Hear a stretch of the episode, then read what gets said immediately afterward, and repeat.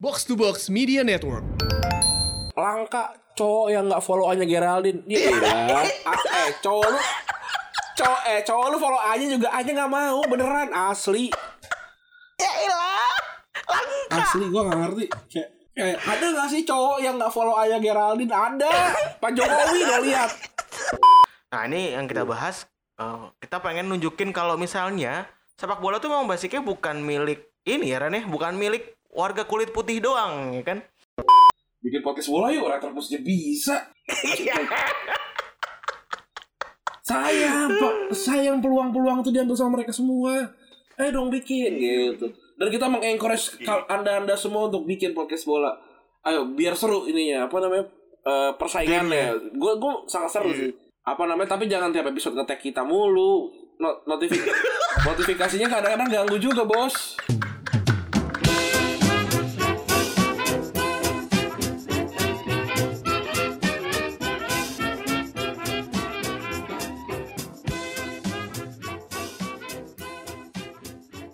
Podcast Retropus episode ke-188 bersama double pivot andalan Anda. Gua Rande. Dan gua Febri. Oke, ini adalah episode ke-188. Dikit lagi ya, dikit lagi kita berulang tahun kedua nih. Ini gue lagi live Instagram nih, tapi emang enak pada kagak bisa dengerin dengerin suara lu, Feb. Jadi ini bingung juga anjing mau ngomong apa nih. gitu. Tapi eh ya gak kerasa ya ya, udah mau 2 tahun ya kan, udah mau episode 200 juga gitu. Ya alhamdulillah lah gue bersyukur gitu. Banyak gue banyak dididik juga di project ini gitu.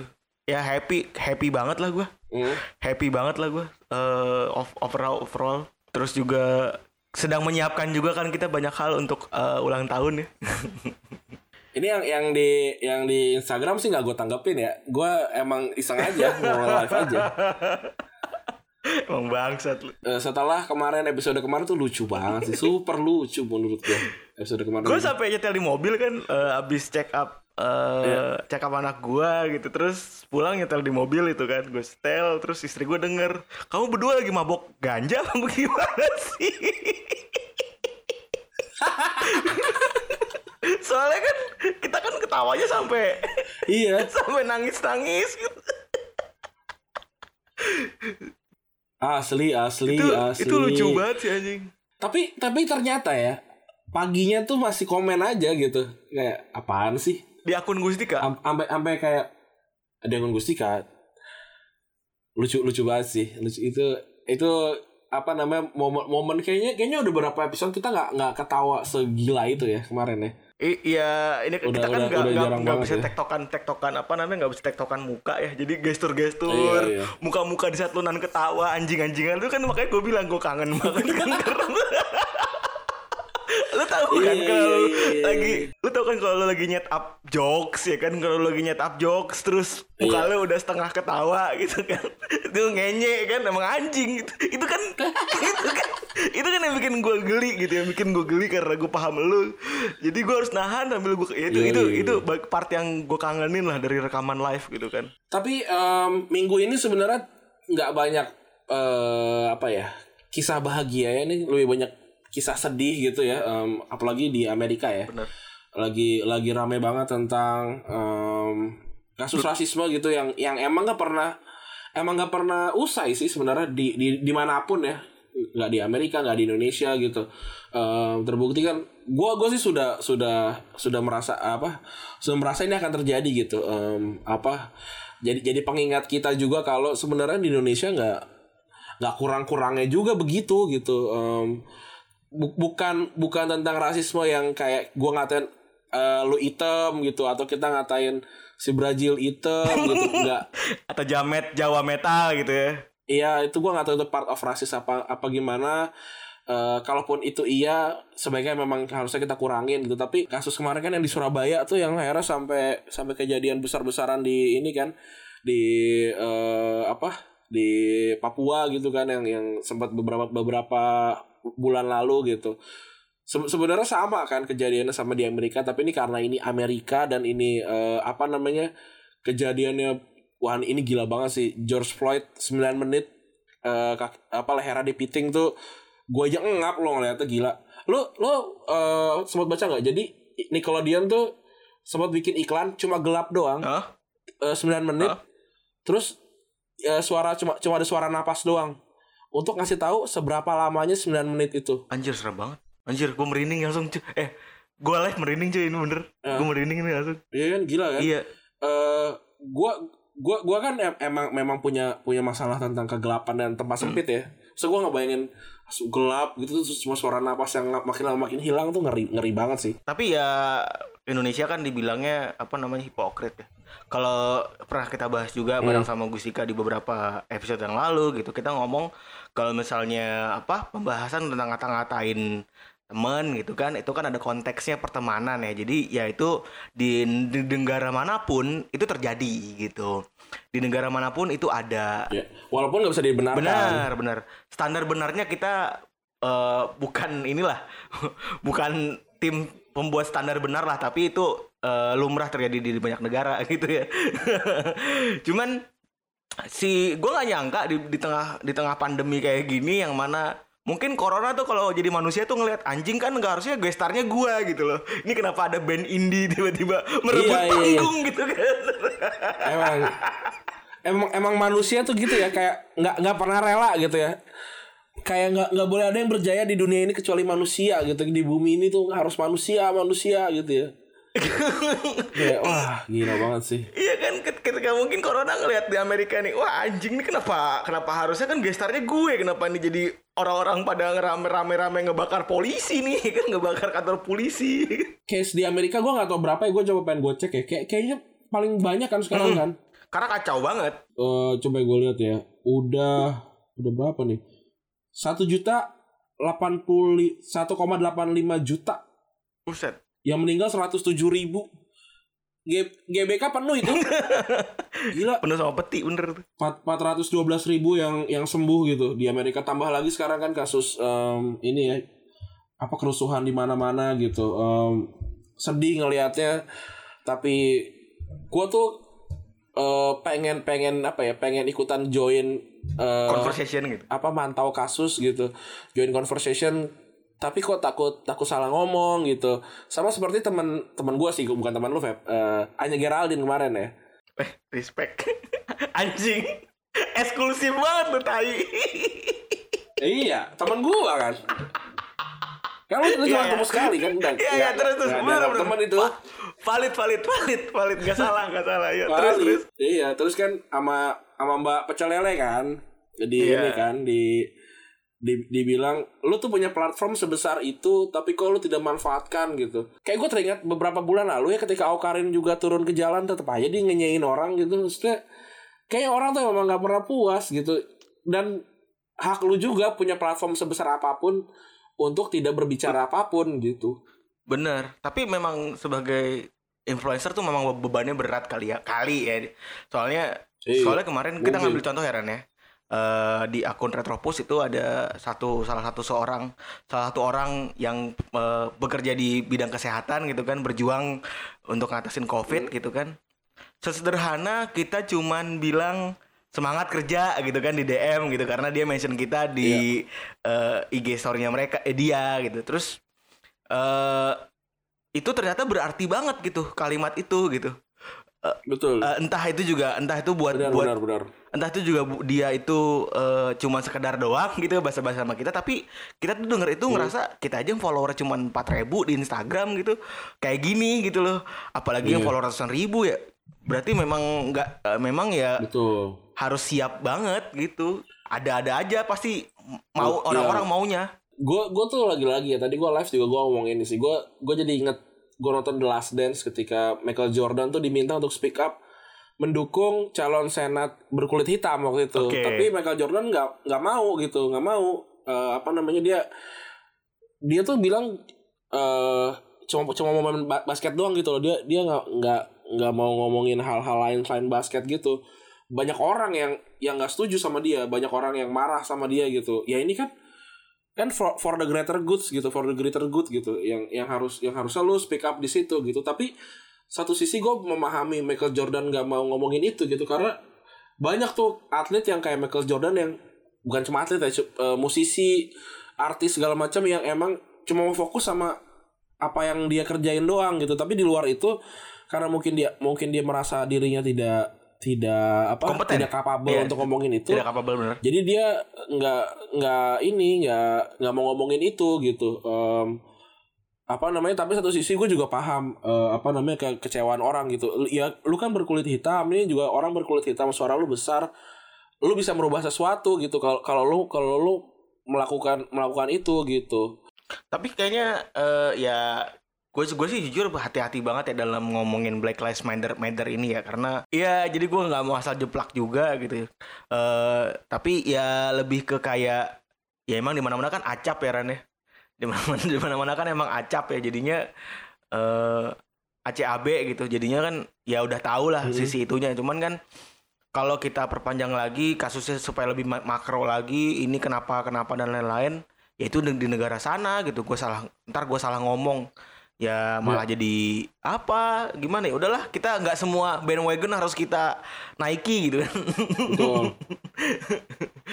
Lihat-lihat juga lah. Maksudnya gue gue dukung dukung semua Retropus juga. Kita kita sebagai satu kesatuan eh organisasi dan individunya setuju eh apa namanya apa pun apa pun apa pun yang diperjuangkan oleh teman-teman berkulit hitam di Amerika gitu. Tapi karena apa ya? Karena gue nggak ngerti gue nggak ngerti juga gitu. Gue nggak nggak ngerti. Jadi gue nggak nggak ngomongin itu secara secara langsung gitu loh gue takut salah kayak Jeremy Jeremy Pauline tuh Jer siapa Pauline Iya, itu Jeremy loh Pauline yang, si yang jabat. daring bisa iya matematika iya itu jadi polisi jabat iya itu kan juga baru aja ngapus tweetnya kan karena dia oh yang dia dia nulisnya all lives matters itu loh kayak ya harusnya sekarang tuh yang yang lagi diangkat tuh yang all blacks matter itu. Tapi kenapa lu jadi all lives matters gitu? Ya ya kita paham maksudnya Billy, Billy, Billy akhirnya akhirnya Billie Eilish juga ngomong kan. Ini gue juga ngapain lagi mengquote Billie Eilish di saat ini gue juga ngerti. Tapi maksudnya gue juga baca aja cuma sekilas doang ya.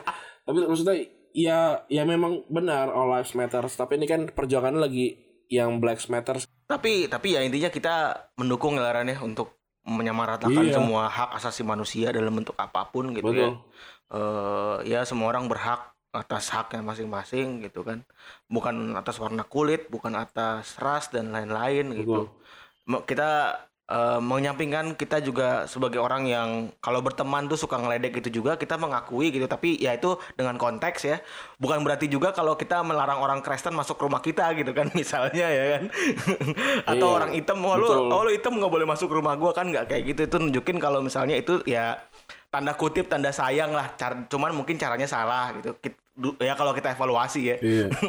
Sama apa ya kayak kalau dipikir-pikir kan kita kan triple ma- majority banget di Indonesia kan. bener Jawa. Laki-laki. Jawa sih. Terus gue gua gua nggak Jawa tapi gue tinggal di Pulau Jawa itu udah kayaknya udah udah termasuk lah laki-laki Muslim. terus muslim gitu kan. Jadi eh apa namanya gue eh gue gue gue gue mencoba mencoba untuk untuk untuk memahami yang teman-teman yang yang minoritas juga gitu Eh, meskipun eh, memang gue tidak pernah dapat diskriminasi atau segala macam tapi itu tidak tidak merubah ti- tidak mengurangi eh, keinginan gue untuk eh, tetap ini ya apa namanya ikutan berjuang gitu untuk untuk untuk teman-teman yang yang mendapatkan diskriminasi gitu. Dia bukan berarti kita juga tidak mendukung gitu kan? Tidak setuju. Iya. Cuma memang ilmunya kurang. Mm-mm. jadi nggak mau sotoy sekarang gitu sekarang kan. kan uh-uh, nge- iya lebih lebih nggak mau sotoy gitu. Sebagai mas-mas gitu-gitu aja gitu. Betul betul. Kita kan gitu-gitu aja gitu. Eh, apa namanya ilmunya baru segitu gitu. Tapi kita kalau kalau kalau kita diminta untuk bersuara ditanya ditanya "Ma- di mana sisi di sisi lu? Eh si- di mana kita ber- kita ber- berpihak? Tentu saja kita kita berpihak di di perjuangan itu. Benar. itu saja. Bener gitu cuman emang kayaknya bukan ini ya bukan bukan apa namanya sebutannya bukan forte kita aja ngebahas dalam-dalam tentang eh betul Iya kan ngebahas dalam tentang Black Lives Matter ini gitu sih. Jadi makanya aneh juga gue ketika orang maksa buat orang-orang biasa hanya Gerali kan biasa biasa Hanya. selfie ya. Biasa biasa selfie, biasa iya eh tanda kutip shit posting gitu. Ya kalau orangnya fortenya kayak gitu terus laku, Iya. ya lu kenapa harus paksa buat ngomong yang aneh-aneh gitu kan? iya Aneh aja gue. Lagian juga kayak apa namanya langka cowok yang nggak follow Anya Geraldine. Iya. Ah, eh cowok lu cowok eh cowok lu follow Anya juga Anya nggak mau beneran asli. Asli gue gak ngerti. Kayak, kayak ada gak sih cowok yang gak follow ayah Geraldine? Ada. Pak Jokowi gak lihat. Followernya berapa? Satu apa berapa ya? Gue cek Pak Jokowi deh. Tuh gue cek Pak Jokowi ya. eh, dia follow ayahnya Geraldine gak? Jokowi gak Nggak follow ayahnya nggak follow Geraldine. gitu. Biasa aja gitu loh. Jokowi gak nol following loh gak follow. Lalu Bu, Bu Iriana juga gak. eh, oh, suamiku gak follow ayahnya Geraldine. Juga. Biasa aja, bukan prestasi gak follow ayahnya Geraldine. Apa sih? Aduh. Pak Jokowi 59 following loh di, di Twitter Nggak follow hanya Geraldine Nggak ada Biasa aja. Nggak follow aja selalu benar. Follow Bu Susi dia Follow Bu Susi Enggak Nggak follow dia. Aduh. Ada ada ah, itu orang emang hipokrit tuh si pecel lele itu ya udah bilang main your own business anjing bisnis Iya. orang direcokin juga lebay banget aneh banget emang emang skill Oh, main di abu-abu tuh nggak semua orang punya kan Betul. Dia nggak tahu. Yang, yang si pecel lele itu kan Ini ini kan Apa namanya Eagle Eagle gitu kan? Iya Eagle. Oh eagle iya iya Ya iya. itu loh. Iya kayak gitu-gitu kan. Mhm. ya ya suka-suka lah. Saya dia juga boleh ngomong kayak gitu tapi maksud gua kalau tiba tiba-tiba apa ya gua gua susah. Oh misalnya gini nih. Di kampung sebelah kebakaran gitu. Terus lu lagi lagi nonton TV di kampung lo gitu posisinya lu tuh petani biasa aja gitu. Bukan bukan firefighter gitu. Tiba-tiba ada, ada orang gedor gedor kamar lu terus marahin lu. Kok lu nggak nggak ngomong gitu? Tuh eh lu kok lu nggak ngebantu? Di kampung sebelah ada kebakaran gitu. Ya satu sisi benar salah. Tapi satu sisi lain itu kan fardu kifayah gitu. Benar. bukan fardu ain. Kalau udah ada ya udah tanggung jawab kita gugur gitu kan iya gitu. Anjing. Ya mungkin nggak apple to apple tapi kurang lebihnya kayak gitu. Bener. Waktu rumah ijat waktu rumah ijat kebakaran yang yang yang non durian runtuh kayaknya nggak nggak nggak bantuin juga maksud gue ya gitulah. Te- tekad tolong ya pecel lift ya. TK tadi Mesra juga nggak datang tiba-tiba kan? Iya iya iya gitu. Jadi eh terserah lah lu Anya, Anya Geraldine mau mau selfie mau apa segala macam. Ya udahlah, nggak apa-apa. Apa ya kalau kalau Anya Geraldine nggak selfie terpada panik orang-orang. kalau anak juga nggak nonggeng pada panik orang-orang kan Iya, elah. Susah. hidup mah hidup mah balik lagi tahu peran aja udah gitu kalau peran lu apa jangan maksa buat Iya, jadi yang bener. beda gitu udah fokus aja sama peran lu nih apa di Betul. dunia ini gitu kan Betul, betul. Tapi kalau misalkan memang bisa mau ikut berjuang silahkan, Silahkan. gitu. Tapi kan ber- berjuang itu kan butuh ilmu juga gitu loh. Maksudnya nggak apa namanya dimensinya nggak cuma satu.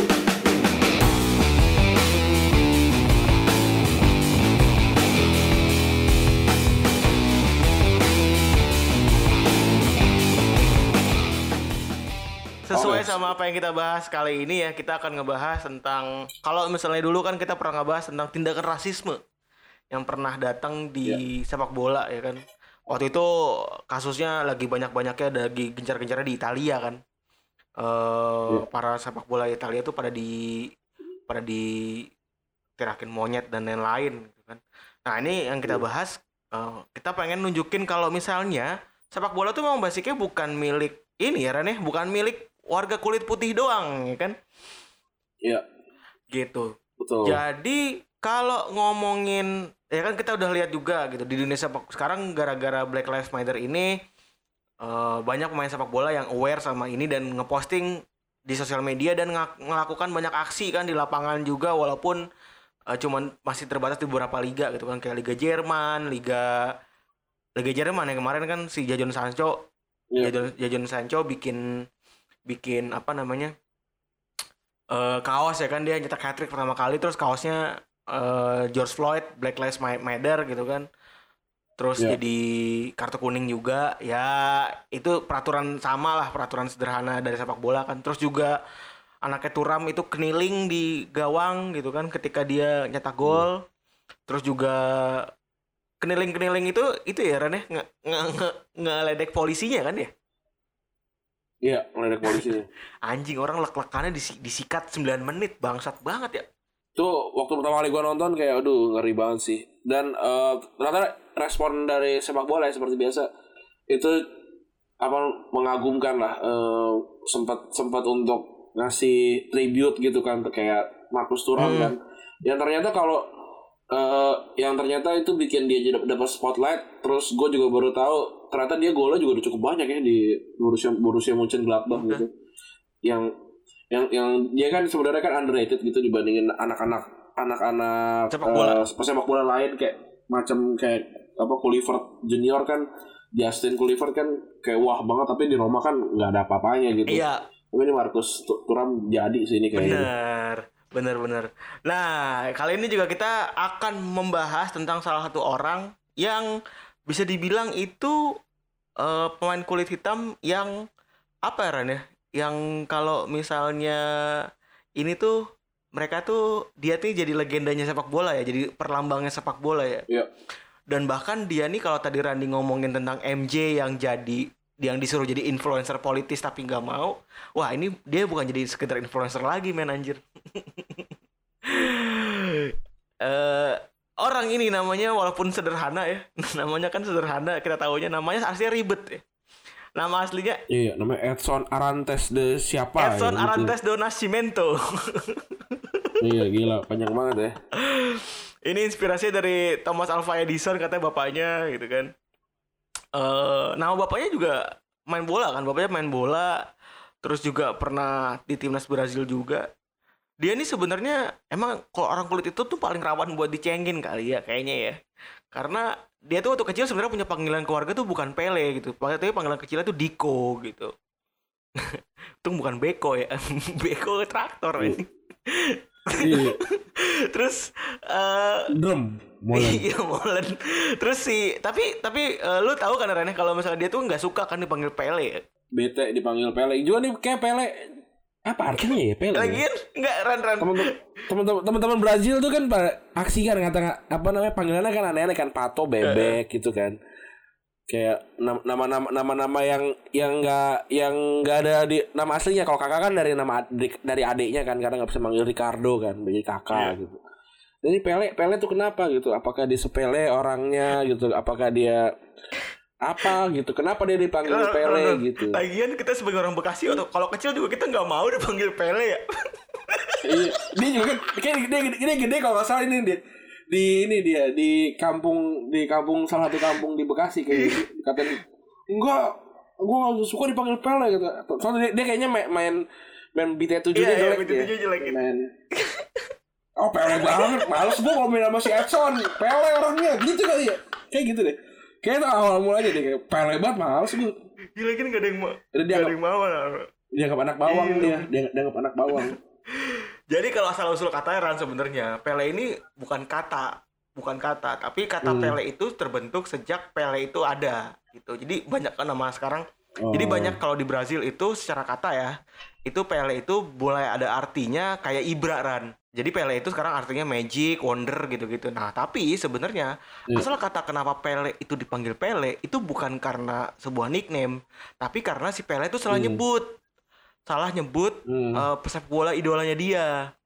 Jadi ada kiper Iya. Vasco da Gama namanya Bile. Oh dia dia di apa namanya pelok gitu ngomongnya. iya, kayaknya sih gitu ya. Jadi dia salah nyebut, terus malah ngomongnya Pele. Padahal namanya namanya Bile. ya Atau kan? mungkin dia baca koranan tiap tiap itu doang Idul Fitri kali ya. Di sini dia kan dia miskin kan. Baca baca cuma yang di alas doang tuh. Nah itu itu jadi. Nah karena dia salah ngomong, terus dibecandain tuh sama teman-teman sekolahnya, ya Hmm. kan? Kan kasih kasihan ya.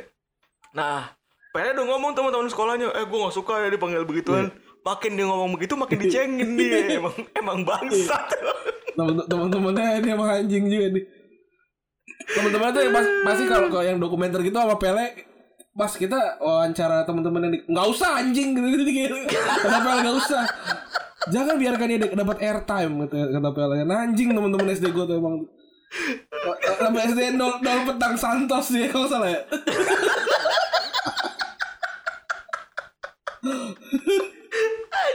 Tuh, dia nol petang Santos Em, ya emang ini orang tapi standar ada standar orang-orang kismin di Iya, Brazil ya Ran, ya.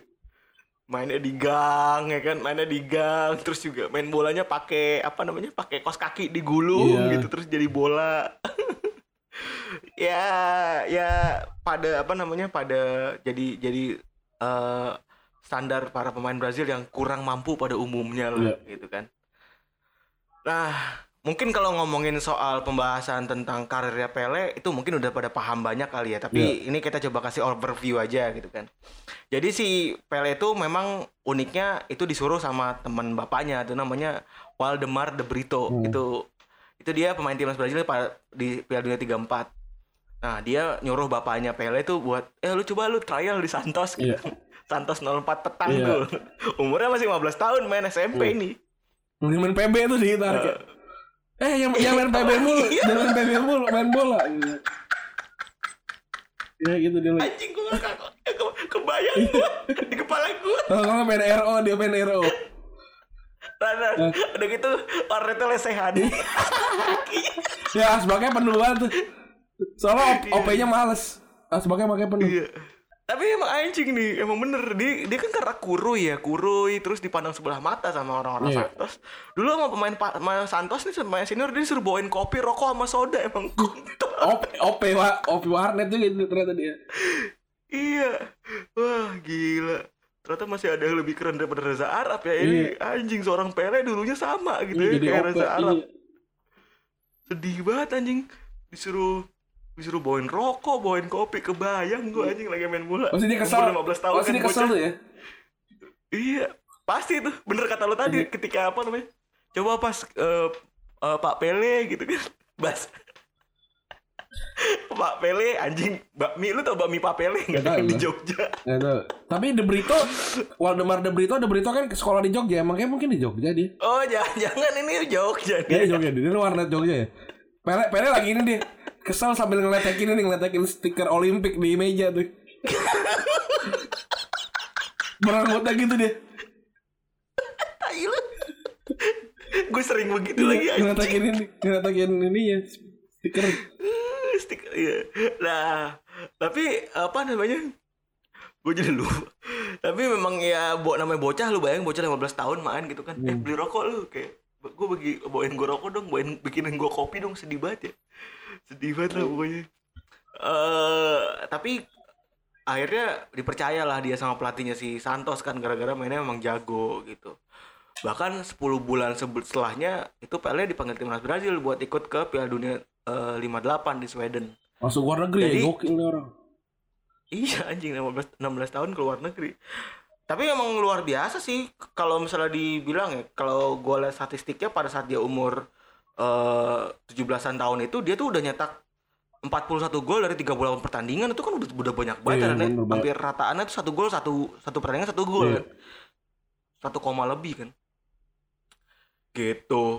Jadi ya memang nih orang waktu muda sangar banget lah gitu kan. Terus ya udah di Piala Dunia 58 Pele nyetak 6 gol, perempat final lawan Wales, eh, tiga di semifinal, dua di babak final. Itu yang bikin dia jadi sensasional Ya. gitu kan. Soalnya dia sempat sempat nggak jadi nggak jadi starter. Soalnya dia kan baru Mm. dia kan awalnya di di, di fase grup dia nggak nggak nggak main jadi starter tadinya. Apa cadangan terus? Bener. Cuman gara-gara nyetak 3 gol tuh waktu di semifinal jadi dipercaya deh tuh kan. Nah, ini jadi makin sensasional lagi karena waktu itu tahun 58 tuh Piala Dunia pertama kali nih disiarin di di Iya. dunia nih. Tapi kata kamu Makanya- pernah dengar nggak? Katanya Piala Dunia 58 tuh sebenarnya nggak pernah kejadian di di ini di Swedia. A- Ada ada rumor kayak gitu. Ada teori itu. Iya, tahu gua. Bahkan ada filmnya Ran. Iya. Namanya Konspirasi 58. Ada aja ya. Iya. eh ya dibilangin lah kalau ini adalah sebuah apa namanya? Eh apa sih sebutannya tuh? Propaganda. propaganda yang dibuat sama Amerika dan ini kan ini kan setahu gua bareng-barengan sama perang dingin ya 58 nggak tahu deh gue. Perang dingin berapa? nggak ya maksud gua kayak berbarengan sama perang juga gitu Eh, jadi jadi udah mulai masuk ke zaman-zaman inilah udah masuk ke zaman-zaman peperangan yang dalam artian itu pakai intelijen gitu kan Hmm. Nah ini katanya ada yang bilang ada propaganda itu dibikin supaya nunjukin kalau misalnya orang tuh pasti percaya sama apa yang ada di TV Iya. gitu.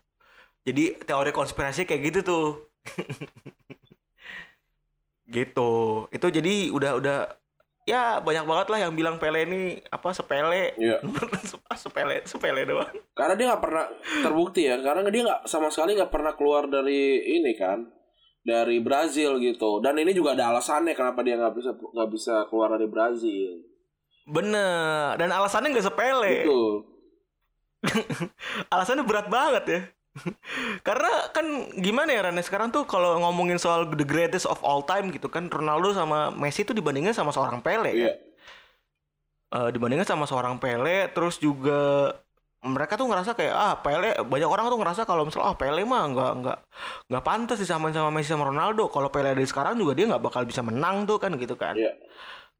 terus ada juga yang bilang Pele mah beruntung aja karena karena ada di tim Brazil yang apa namanya Bintang. yang emang ja- emang udah jago gitu buktinya di Piala Dunia yang kedua dia ikut dia cuma main sekali cedera ya kan habis Iya. itu Brazil tetap juara Hmm. gitu kan banyak lah nyinyirannya gitu tapi emang dia ini nggak bisa pergi dari Santos itu karena alasan politis ya kan Hmm.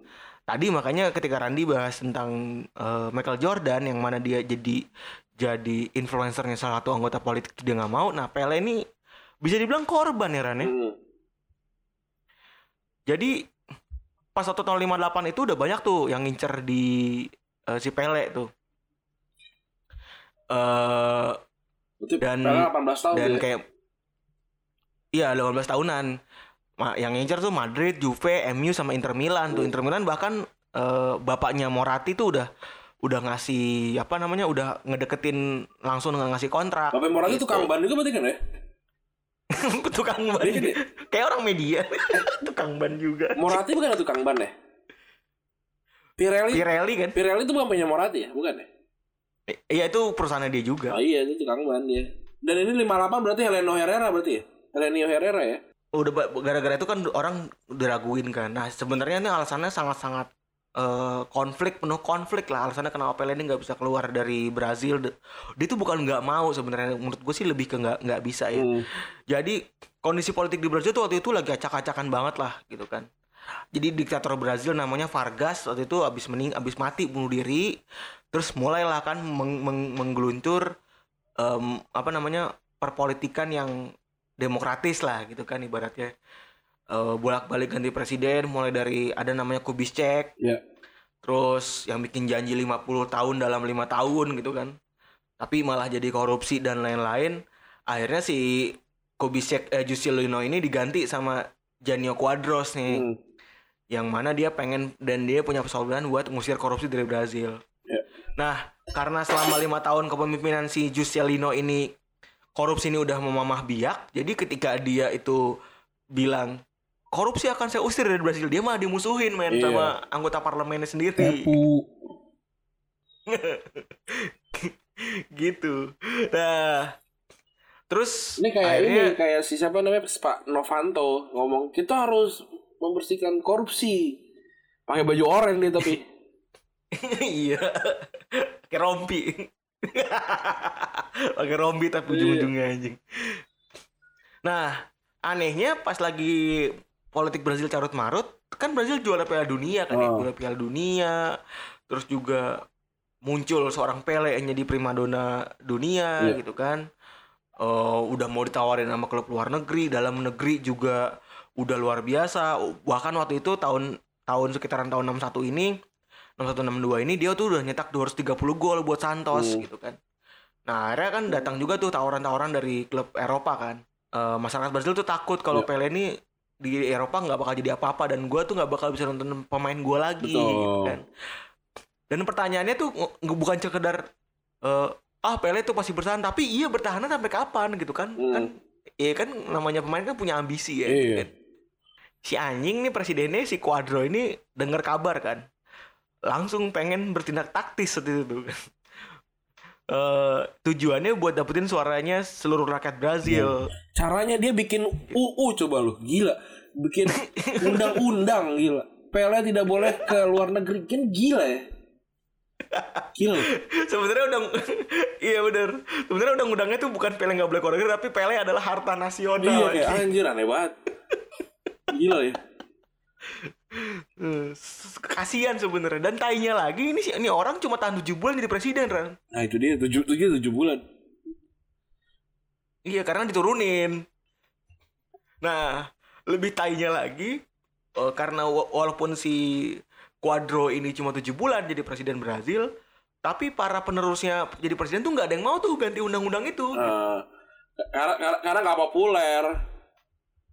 bener bener bener terus sekaligus juga di- jadi di saat lagi bobrok-bobroknya ya udahlah kita kita jadiin Pele sebagai ini aja lah alat eh, sirkus gitu kan Iya. menutupi kebobrokan negara kita gitu kan itu itu itulah yang bikin apa namanya eh Pele nggak bisa keluar negeri. iya bahkan ketika ditanya tentang kenapa Pele itu nggak bisa eh, ketika ditanya dia tuh eh lu sebenarnya pengen gak sih keluar negeri dia cuma senyum doang gitu katanya gak pernah terlintas di masa saat-saat saya prime eh, time itu saya pengen pindah ke negara lain Hmm. padahal sih gue yakin Pengen nyoba. sih. kasihan ini hitungannya kan Iya. kayak kayak penjara kayak kan kayak di penjara dia ya. Iya. gitu nah yang bikin si pemain kulit hitam yang satu ini itu jadi apa namanya jadi pembicaraan kan adalah prestasi Eren ya Betul. Eh, ya bahkan itu kalau bisa dibilang kita tuh Pele ini main kan pas lagi emak-emak bapak kita belum pada lahir ya Iya. Bokap gua lahiran 60. iya apa namanya iya bener nyokap gua 63 gitu kan jadinya kayak ini kita aja dibikin punya rencana dibikin aja belum gitu kan Iya. Kalau misalnya ini ya cuma pada baca doang kan tapi memang dia prestasinya tuh udah udah bisa dibilang ya udahlah udah paling luar biasa kan kalau misalnya dia juara Liga Brazil 6 kali Copa Libertadores 3 kali terus kalau secara individual nih gue buat ngebayangin betapa agungnya dia gitu kan itu lu di Wikipedia tuh sampai ada 30 baris turan penghargaan individualnya buat Pele Gila ya. Padahal di zaman itu ya. Iya, baik itu enggak, baik itu di zaman itu sampai ke zaman Oh, sekarang gitu iya. kayak pe- pemain berpengaruh, pemain kulit hitam berpengaruh di dunia gitu, pemain paling berpengaruh di Century gitu. Yang kayak gitu-gitu. Yaudah, Itu gue ya? saking apa? Iya potik. Apotek. Ini Santuri. Tai. Yang mbak mbak mbaknya pakai baju hijau. Eh pakai baju dokter. Iya. Iya. Tapi sekarang apotek sekarang aksinya begitu semua dari. Jadi dokter. Lu suka ngeliatin nggak? Pakai pakai pakai apa rambut pendek. Iya. Terus juga pakai putih-putih kan, Iya. apa rompi-rompi putih. Rompi gitu. dokter. Aksi banget. Itu mau Halloween apa? eh ngomong soal dokter doain ya besok HPL anak gua Oh sebenarnya. iya. iya. Oh ponakan gue ulang tahun. Apa anak kan besok ulang tahun ya? Tanggal 3. Itu tanggal tanggal. Ah, tanggal- ba- bi- Iya ponakan gue tanggal 3. Ulang tahun. oh bisa barengan ya berarti ya? Yoi. Ya deg deg deg ya karena normal jadi gitulah Yoi. masih banyak apa segala macam belum mules apa segala macam gua nurut dokter aja lah. nah, ya Pele yang paling dikenang sama Pele di di Pele ini adalah dia tuh kan salah satunya orang satu satu satunya orang di dunia yang bisa berhasil juara tiga kali Piala Dunia. Eh, dan nggak ada orang dunia yang bisa nyamain penghargaan ini gitu. Nah ngomong-ngomong soal Piala Dunia dan apa namanya dan kulit hitam Iya. gitu kan. Eh kayaknya Piala Dunia yang ada di, di benua Afrika cuma sekali ya Ran ya? Ya, Kalau gue ingat ya, ya. 2010 2010. 2010 doang ya. Dan ini piala dunia terbaik sih buat gue. Karena gue juga baru ngerti Oh, bola tuh. Oh lu baru baru intinya lu baru melihat bola sebagai sesuatu yang komprehensif lah mungkin. Ya, misalnya yang yang gue yang gue udah paham. Gue 2002 juga nonton nonton Piala Dunia sampai habis. Tapi ya, Heeh. seberapa sih yang lu inget di umur lu berapa waktu itu gue umur gue 10 tahun kan. Terus eh, 2014 umur gue baru 14 tahun dan gue di asrama lagi kan. 2010 kan kita juga di asrama tapi kita nonton dan kita final nonton bareng-bareng kan. Maksudnya ini ini Piala Dunia yang Piala Dunia yang paling seru eh, buat gue dan paling paling paling membekas lah ini Vuvuzela di awal. Terus Iya gol-gol yang melintir karena dianggap bolanya ja- apa Jabulani yang yang apa katanya katanya kurang Tidak kurang stabil. bagus apa segala macam gitu. 2010 Iya. banyak lah cerita eh Jerman Jerman Inggris Lampard 2010 atau Hmm. 2000 2014 sih 2010. 2010 juga karena itu banyak lah yang Iya. akhirnya jadi VAR segala macam Eh, 2010 buat gue seru sih I- ya itu bener gue gue setuju sama lo ini tuh pemahaman sepak bola secara holistik ya kita udah tahu eh, intrik-intrik di baliknya terus juga udah mulai merhatiin yang perintilan-perintilan ya Ran ya. Iya. udah mulai sotoy-sotoy dah tuh ya kan tahun 2010 tuh ya kan Tuh. bibit-bibit kesotoan tuh sudah mulai muncul tuh. Udah mulai timbul Buat dari ingat, situ tuh. dia akan-akan jadi pandit kan gila. iya. Suatu saat di Piala Dunia berikutnya aku akan ada di situ dan mengomentari pertandingan-pertandingan ini gitu kan. Suatu saat aku akan memberikan analisa seperti Zen RS. Iya gila. Atau mbak-mbak yang cakep tapi diem aja. Atau artis sinetron yang tidak tahu apa-apa tentang sepak bola tapi karena dia ganteng dia ada di situ. Gila. Gila. Kita tuh pas lihat kayak gitu tuh mungkin dia tuh kayak anjing nih orang nggak pantas ada di sini nih. Iya. Gitu. Harusnya gua, dia nih sama gua aja kalah nih gitu kan anjing. Iya, iya. Tengil banget pas itu. Tengil banget pas itu anjing. yang banyak yang kayak gitu kan tapi kita kita waktu pertama kali di TV juga buset pengen berak itu takutnya bukan cuma tentang pengetahuan gue yakin sih- tentang mental itu Iya. Tapi gue yakin sekarang juga mungkin ada yang udah ngomong kayak gitu ya ke kita ya. iya Mungkin ya. banyak Cuman nggak ngomong aja di sosmed. lagi senera di tembok gitu kan sama teman-teman di kosan kan kayak bikin podcast bola yuk retropus aja bisa sayang pak sayang peluang-peluang itu diambil sama mereka semua eh dong bikin gitu dan kita mengencourage kal- anda-anda semua untuk bikin podcast bola. Ayo biar seru ininya apa namanya eh, persaingannya. Gue gue sangat seru sih. Gue gue mau gue mau mau banget. Silakan eh, apa namanya tapi jangan tiap episode ngetek kita mulu. No- notifi- notifikasinya kadang-kadang ganggu juga bos. Endingnya endingnya endingnya orang ditonjok ya kan tapi kan tetap di retweet. Awalnya gak gue ngakak banget awalnya diangkat-angkat ya kan? Awalnya dikasih dulu makro story ya kan? Di belakang ayo kita bikin podcast bola. Di tengah-tengah ya ayo silakan bikin podcast. Itu Semua itu namanya komedi. komedi harus kayak gitu Iya, Pep. anjing. lucu banget. Iya gitu. Ya nggak apa-apa. Tapi jangan jangan tiap episode maksud gua. Maksud gua kan itu kan lagi lagi jam prime tuh. Kita juga lagi lagi bikin activation ketutup kadang-kadang maksud gua tapi nggak apa-apa aduh kita kita respect Gak apa-apa, gak apa. Respect respect respect gak apa-apa gak apa just, just saying kan Mm-mm. walaupun just sayingnya nyentuh lak-lakan orang iya santai gitu Tapi memang 2010 ini jadi apa namanya jadi salah satu momentum apa ya bisa dibilang ya ya? kayak momentum yang memang nunjukin kalau Afrika Selatan tuh udah bukan lagi yang kayak dulu kan. Lu eh, apa yang lu kan senang sama sosial dan politik kan? Apa yang lu ingat dari politik apartheid Ren? politik apartheid itu bikin kita jadi ada satu eh apa namanya Mande- Mandela Effect lo pernah dengar nggak Nels- Nelson Mandela Effect Pernah tapi gue lupa. jadi kayak kita kita tuh lupa apa yang terjadi sebenarnya sama Nelson Mandela gitu Hmm? apakah dia sebenarnya udah mati apa di penjara kayak gitu-gitu tuh Ka- karena Oh, oh. Ka- karena karena ada ada ada ada apa apa ya itu namanya itu kayaknya Nelson Mandela Effect deh bener deh Eh Hmm? efek yang efek yang kayak gitu yang kayak Looney Tunes itu tulisannya itu bukannya lu Looney Tunes tulisannya gimana?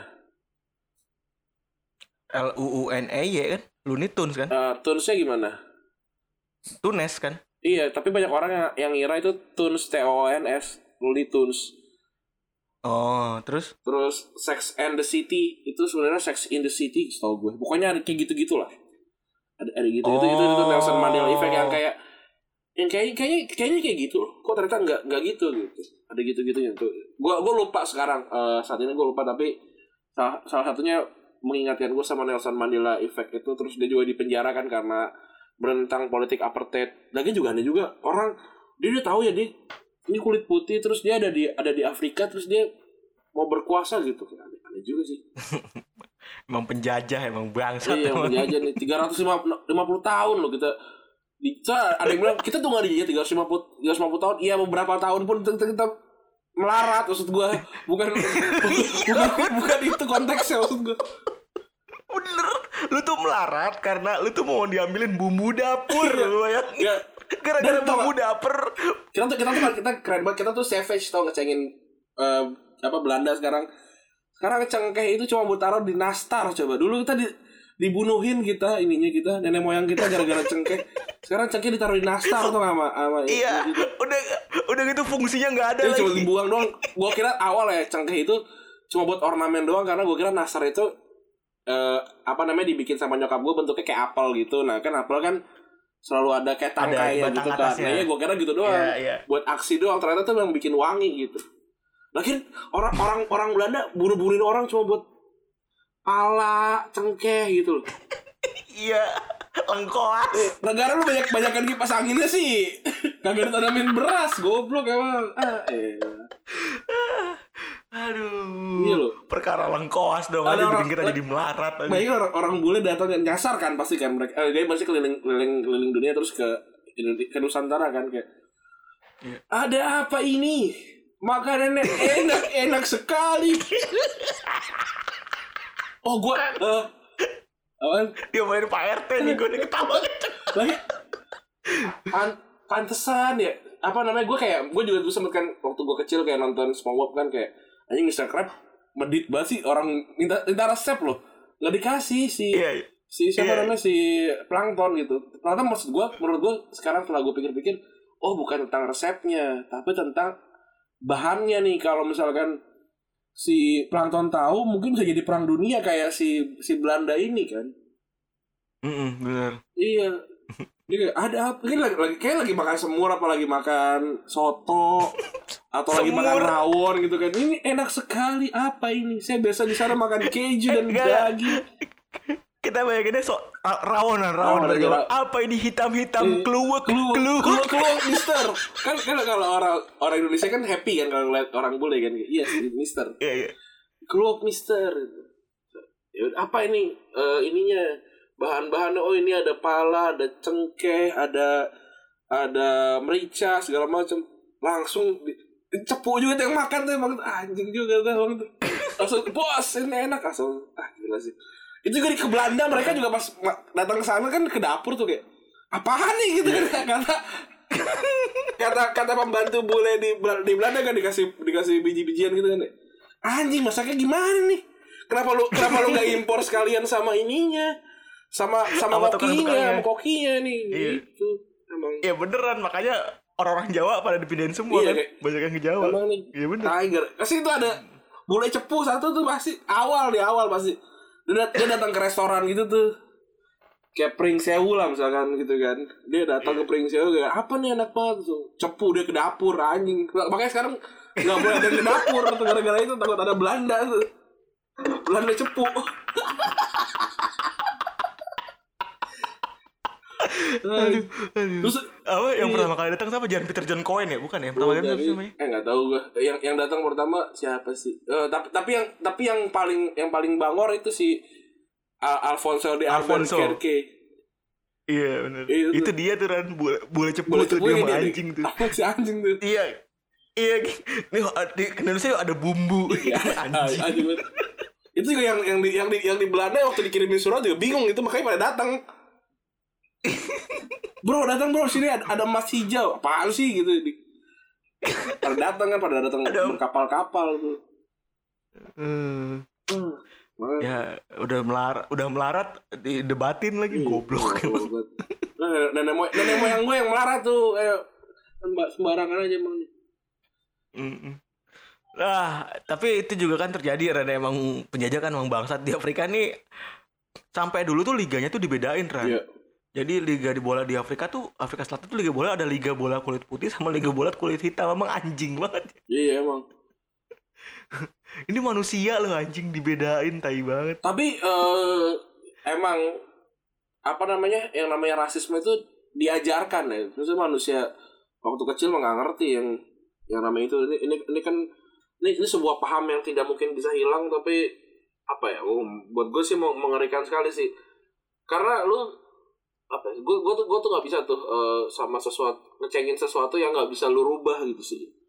Kulit kulit hitam terus kayak oh, muka jelek gitu. Sekali kita nggak suka ngecengin orang jelek ya tapi maksudnya bukan itu. Tapi kayak lu lu dipisahin gitu kayak ya kamu jelek kiri gitu kamu kamu jelek nggak boleh ke UI gitu misalnya kamu ke mana gitu nggak nggak nggak nggak bisa juga gitu. Sama kayak ini masa main bola main bola aja harus putih ngapain Iya iya terus terus ya itu juga Taiwan. Nah terus emang si si siapa namanya si Nelson Mandela ini kan setelah setelah berjuang buat eh, Afrika Selatan buat ngelawan politik apartheid pas lagi berhasil dia make olahraga buat sebagai lambang perjuangan kan. Iya. Ya standar lah kayaknya olahraga tuh adalah olahraga yang paling ini ya, yang paling universal ya, apa bahasa yang paling universal ya Hmm. gitu kan. Nah, dia nih pertama make sepak make dulu olahraga rugby dulu. Dia bikin Piala Dunia Rugby tahun 95 waktu itu. Jadi buat bilang kalau misalnya ayo kita nih bangsa bangsa bangsa eh, kulit hitam dan kulit putih bisa bersatu gitu. Akhirnya kan juara ada tuh ya kan. Udah udah, udah tayang di udah tayang di Afrika Selatan terus juga timnasnya juara timnas rugby itu. nah. Terus dengan semangat yang sama dan tahun-tahun 2010 tuh kan orang-orang masih pada ragu-ragu ya. Dia tujuannya tuh sama ya, masih tetap sama. Hmm. Mendefinisikan ulang persepsi dari negara dan benua gitu. Jadi jadi ya karena banyak juga dalam negara tuh yang masih mandang remeh orang-orang kulit hitam atau masih mandang takut orang-orang kulit putih gitu. Iya benar. Ada trauma di keduanya Tapi ya.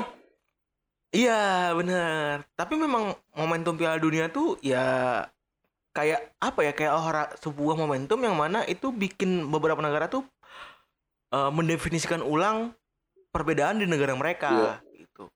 Jadi pas tahun 98 nih contohnya ya pas tahun 98 kan si Prancis juara ya. Hmm.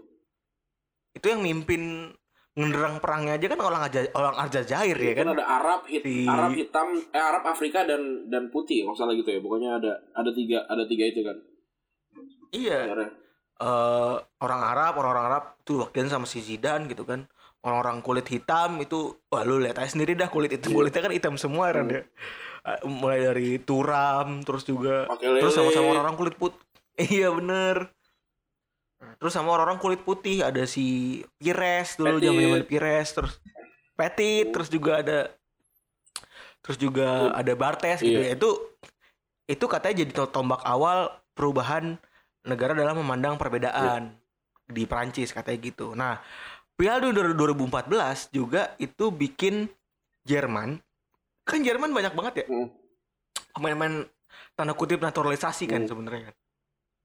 Yang mana itu asalnya dari, dari Turki ya kan. Atau dari Austria Iya. gitu-gitu. Nah, kalau dipersentasein itu punggawa Jerman di final Piala Dunia tuh sekitar 35% itu adalah eh, orang non non asli Jerman. Keturunan. Kan tambah Heeh, tambah lagi orang Jerman kan pada fasis-fasis ya. Iya. Karena kayaknya bangga banyak banget sama itu kan banyak skinhead Bener, eh, bangga banget kan sama apa namanya? Sama rasnya mereka kan. Arya. Ah, ah, ah, jadinya eh, itu tuh masih masih kental tuh yang kayak gitu-gitu ya. Itu yang bikin eh, ya udahlah kalau emang ini kita nggak apa-apa isi timnas kita bareng-bareng jadi lebih menghargai perbedaan gitu. Nah, buat si Piala Dunia 2010 ini itu CEO-nya eh, pelaksananya itu si Denny Jordan namanya tuh bilang udah ngelobi FIFA selama 16 tahun hmm. eh, supaya bisa Piala Dunia itu ada di Afsel gitu. Ya standar sih maksudnya kalau misalnya Piala Dunia kan dipakai buat memajukan ya? Hmm. memajukan apa namanya? Ekonomi. Lu kalau dipikir-pikir juga kalau dipikir-pikir tentang Piala Dunia kan Indonesia juga mau, mau ada Piala Dunia tahun depan kan U20 tapi kalau kayak gini ngeri nggak jadi nih. Iya. Bener. Ya semoga semoga ada jalan keluarnya lah kalau gua sih harapannya. Ya itu tadi maksudnya pada saat penyelenggaraan juga banyak orang yang takut ya, banyak orang yang takut gitu. Eh warga-warga di di sana takut kalau misalnya banyak turis yang mau ngejadiin mereka tuh budak gitu kan. Iya. Gue baca-baca satu insight, satu esai panjang tentang gimana menurut tuh eh, jadi ada satu esai panjang tentang ada orang nanya ke para warganya Afrika itu yang kulit hitam dan kulit putih ya. kalau kalau yang kulit putih ngerasa ya bagus lah saya jadi punya banyak pekerjaan gitu tapi yang kulit hitam tuh ngerasa takut katanya takut sama turis karena takutnya tuh ada yang jadiin ada yang jadi ajang buat human trafficking Iya. gitu katanya takut anak-anaknya dijual-jualin sama orang luar gitu jadi ya memang Piala Dunia yang terjadi di, di Hafsal itu memang bukan cuma perlambang gitu loh tapi pengen ngerobos tuh yang kayak gitu-gitu gitu loh. Jadi emang real ini nyata gitu loh orang tuh bener-bener di apa ya tanda kutip diinjek-injek tuh nyata ya Ran. ya. Sampai punya traumatis yang luar biasa gitu. Kayak mungkin kayak lu kayak lu ngencengin orang temen lo yang Cina tahun 98 gitu ya hati-hati aja gitu. Iya. Mereka tuh traumatisnya kan kita nggak pernah tahu. Iya, bener. Lagian dia so asik lah. gitu loh. Ngeliat apa sih? Apa? Orang so asik kok nggak so asik. Iya, apa sih harus asik banget. Gue ngeliat apa sih asik. Asik. Gue kayak gue pengen gue pengen banget ngecengin kayak kayak zaman dulu tuh kayak ada orang asik. Kami nggak ada nada ya kalau di sosmed kan. Gue pengen Iya, kayak iya. asik. Gue pengen gitu tapi nggak bisa. Emang Asik banget lah pokoknya. ya gue gue nggak bisa sih ngecengin. Gue pengen banget ngecengin orang asik. So asik. Udah gitu banyak yang jawab lagi. Padahal kan nggak perlu dijawab. Asik. Ya, ya, ya udah orang kan mau mungkin ingin berkontribusi Pep sama society apa apalah. Oh iya, iya iya iya. iya iya. Tapi kalau misalnya ngomongin kulit hitam secara keseluruhan ya Ran ya pemain-pemain kulit hitam gitu kan kita memang mau ngebahas kalau misalnya ya kulit hitam tuh eh, bola tuh nggak cuma punya kulit hitam kan. Hmm. Eh, tadi juga kita secara pemain kita udah ngasih contoh pemain kulit hitam yang luar biasa luar biasa ininya perannya gitu kan jadi legendaris secara event juga kita udah ngasih tahu tuh ya kan World Cup itu kalau misalnya lu nggak ada kulit hitam World Cup 2010 tuh nggak ada loh nggak ada tuh Suarez megang bola ya kan Iya. kayak main voli pantai gitu kan tuh nggak ada ya kan Ba- ba- atau eh, nggak ada tuh atau nggak ada tuh cerita gua tidur di meja pingpong yang bikin ada. kalian tertawa Iya. ya kan nggak ada itu nggak ada. Nah, tapi eh, kan banyak kan ya yang bilang Pele kan tapi nggak main di Eropa Iya. gitu. Belum menjadi inilah tidak ada di kiblatnya sepak bola lah kan sepak bola kan pusatnya di Eropa. Bener. Tapi sebenarnya sejarah pemain bola di pemain bola kulit hitam di Eropa tuh dimulai dari seorang namanya Arthur Wharton. Iya. Orang Ghana nih imigran. Iya, sian banget ya tahun berapa itu? 18 18 1800-an kan? 85 1885 itu kan waktu itu awal-awal itu. Ini orang udah dari dari Ghana ke Inggris pakai apaan ya? Ini ini kapal kapal. Oh, kapal, kapal, Kapal. ya. Li. Nggak tahu kapal apa tapi dia kayaknya kapal.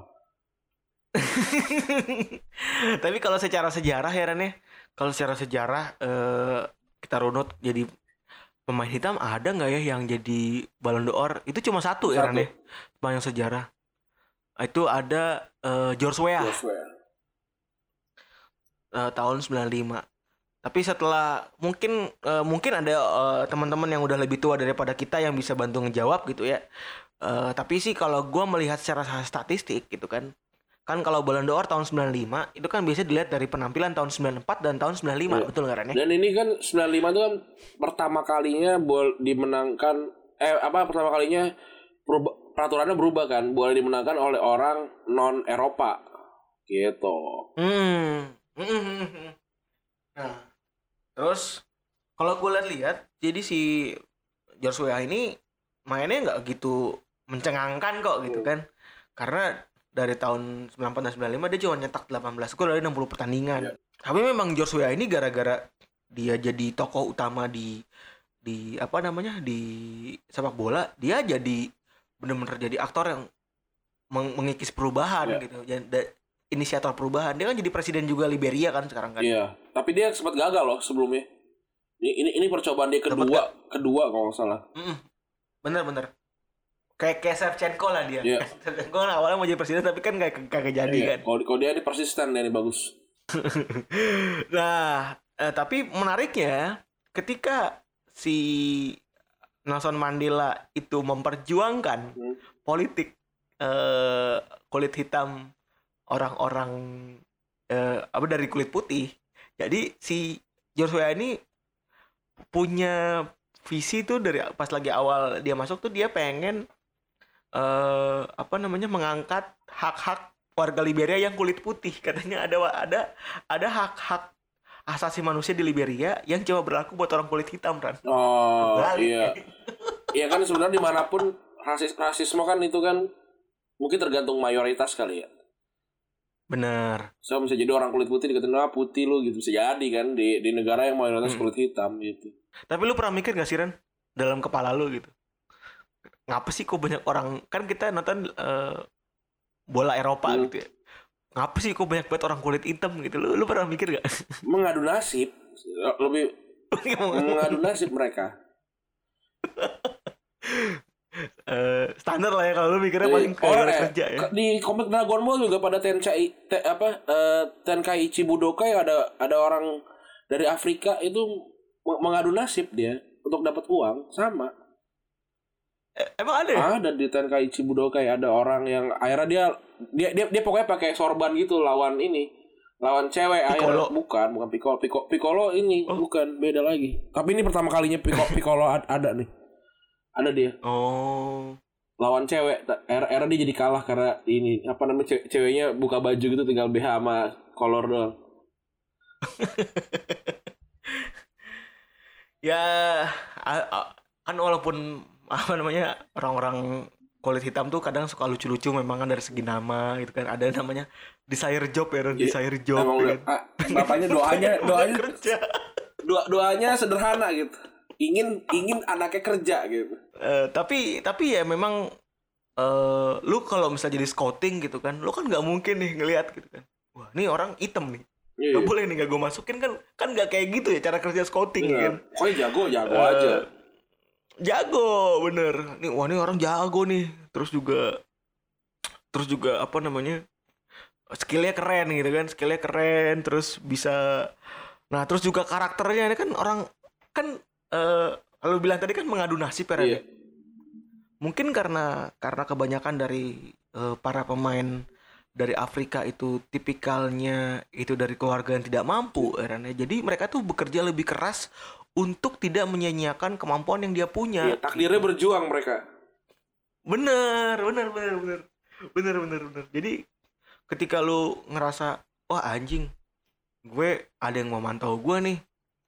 Udahlah, gue harus narsis lah. Gue gua membulatkan tekad untuk, gua kan, untuk langsung bisa nunjukin kalau gue nih bisa gitu.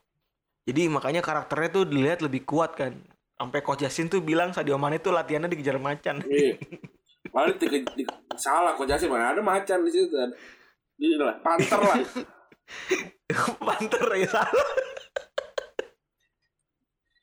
Nah, tapi selain itu juga secara genetis kan banyak imigran juga yang netap di sebuah negara kan.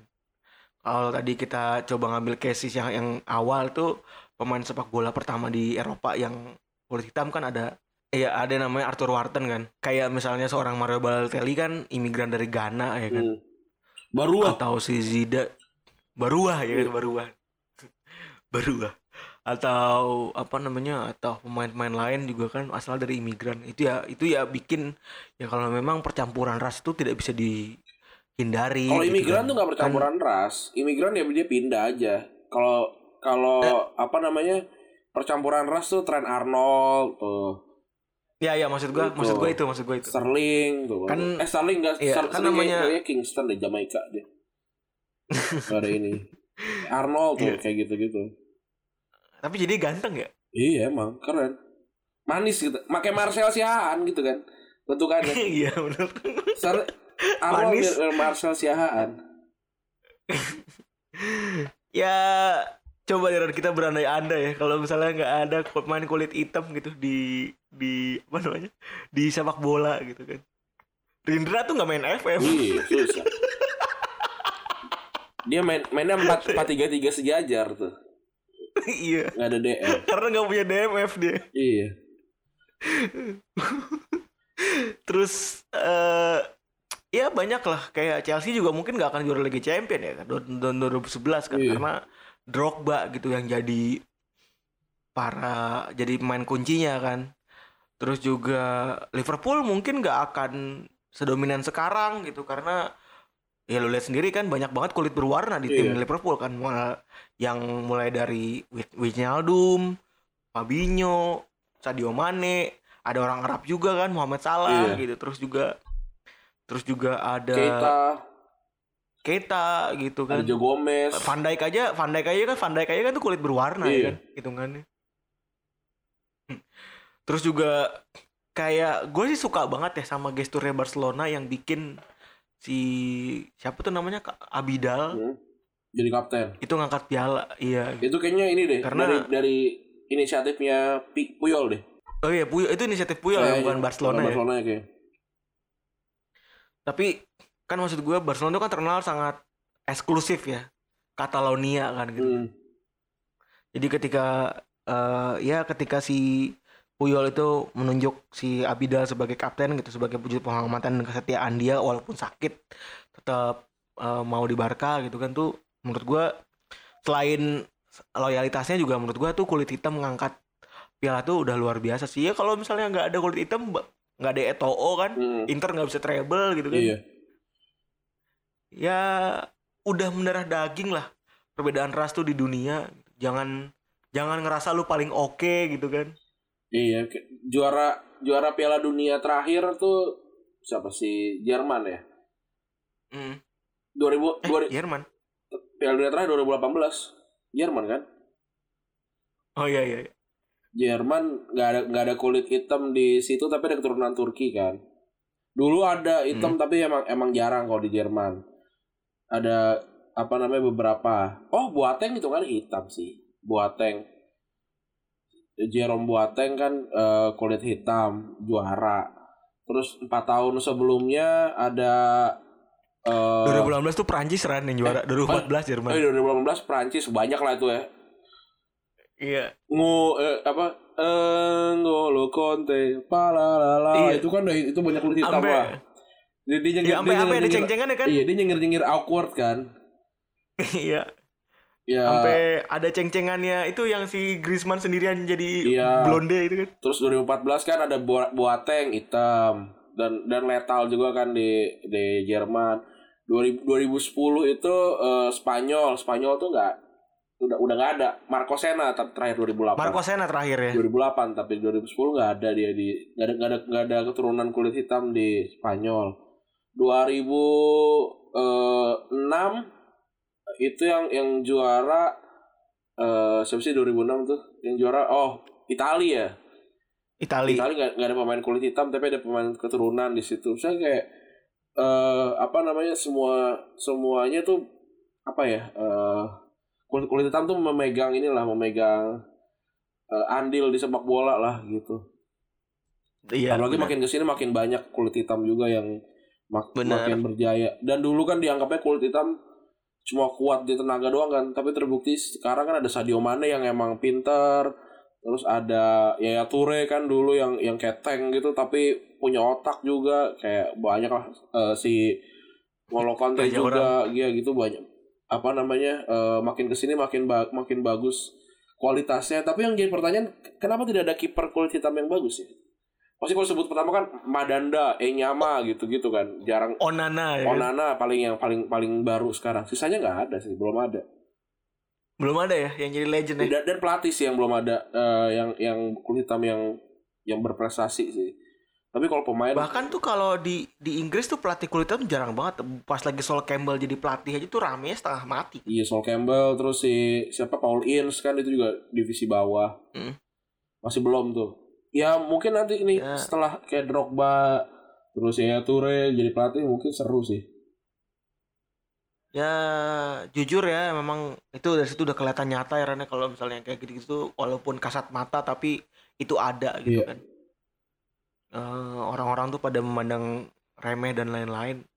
Gue sih harapannya ya lu harus harus pada sadar kali ya Hmm. dalam artian kayak eh ini ini adalah bentuk ya kan gila respect kan masuk Yui. adalah bentuk cara kita memahami ini kita nih mendukung gerakan yang ada tapi dari sisi sepak bola nih Ya. gitu kita ngunjukin nih kan gila keren Keren. Gitu.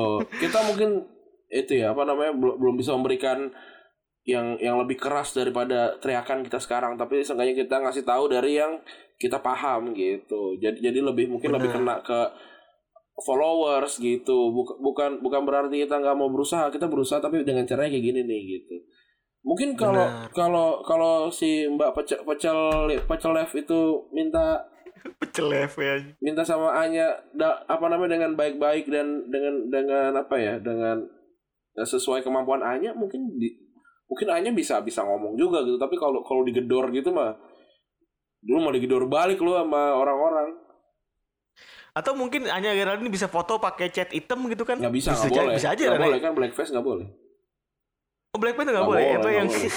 Oh, nggak boleh, nggak boleh. Oh iya iya iya. ya gue lihat di sosial media juga rame rame banget kan yang nyerang eh, si pecel peceleve itu sama si sama si apa si si Anya Anyanya juga gitu jadi jadi jadi malah kehilangan esensi yang harusnya lo dukung apa eh malah jadi berantem sendiri gitu loh karena Iya, komunikasi tidak baik gitu Ma- emang lu pada kagak bisa apa yang ikut aja ini nggak pengen banget jadi superstar dalam Iya. sebuah pertempuran gitu. udah lah Emang nggak- manusia, nggak- nggak- manusia. nggak semuanya nggak semuanya harus harus kayak gitu ka- kasih panggung untuk yang ngerti kita retweet aja kalau kalau se- semampunya retweet apa segala macam. Bener. nggak usah dikomenin kalau Like, nggak gitu ngerti. gue juga pengen ikutan yang posting foto item gue nggak belum baca kenapa harus itu gitu. Bukan yang nggak Iya, bukan bener. nggak mau. Harus Atau asal usulnya Betul. gimana gitu kalau ada gerakan itu. iya gitu. betul. Ntar kalau kayak gitu ntar pasti ad- bisa aja ada yang komen kan. Kayak wah ikut ikutan apa segala macam. Ntar malah Iya, males gitu. Udah gitu kali ya keren.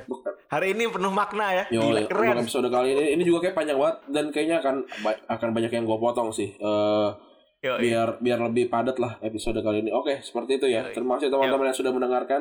Berarti kalau episode 189 lu jadi bapak ceritanya ya. Kemungkinan ya Semoga, semoga, semoga. Amin, amin. Semoga, Iya. semoga. Doain aja. Gue juga pengen, udah pengen buru-buru keluar anak gue. Amin, iya amin. iya tuh oke terima kasih teman-teman yang sudah mendengarkan Eh, semoga bermanfaat episode kali ini gua Randy cabut Gue Febri gue cabut. bye Bye.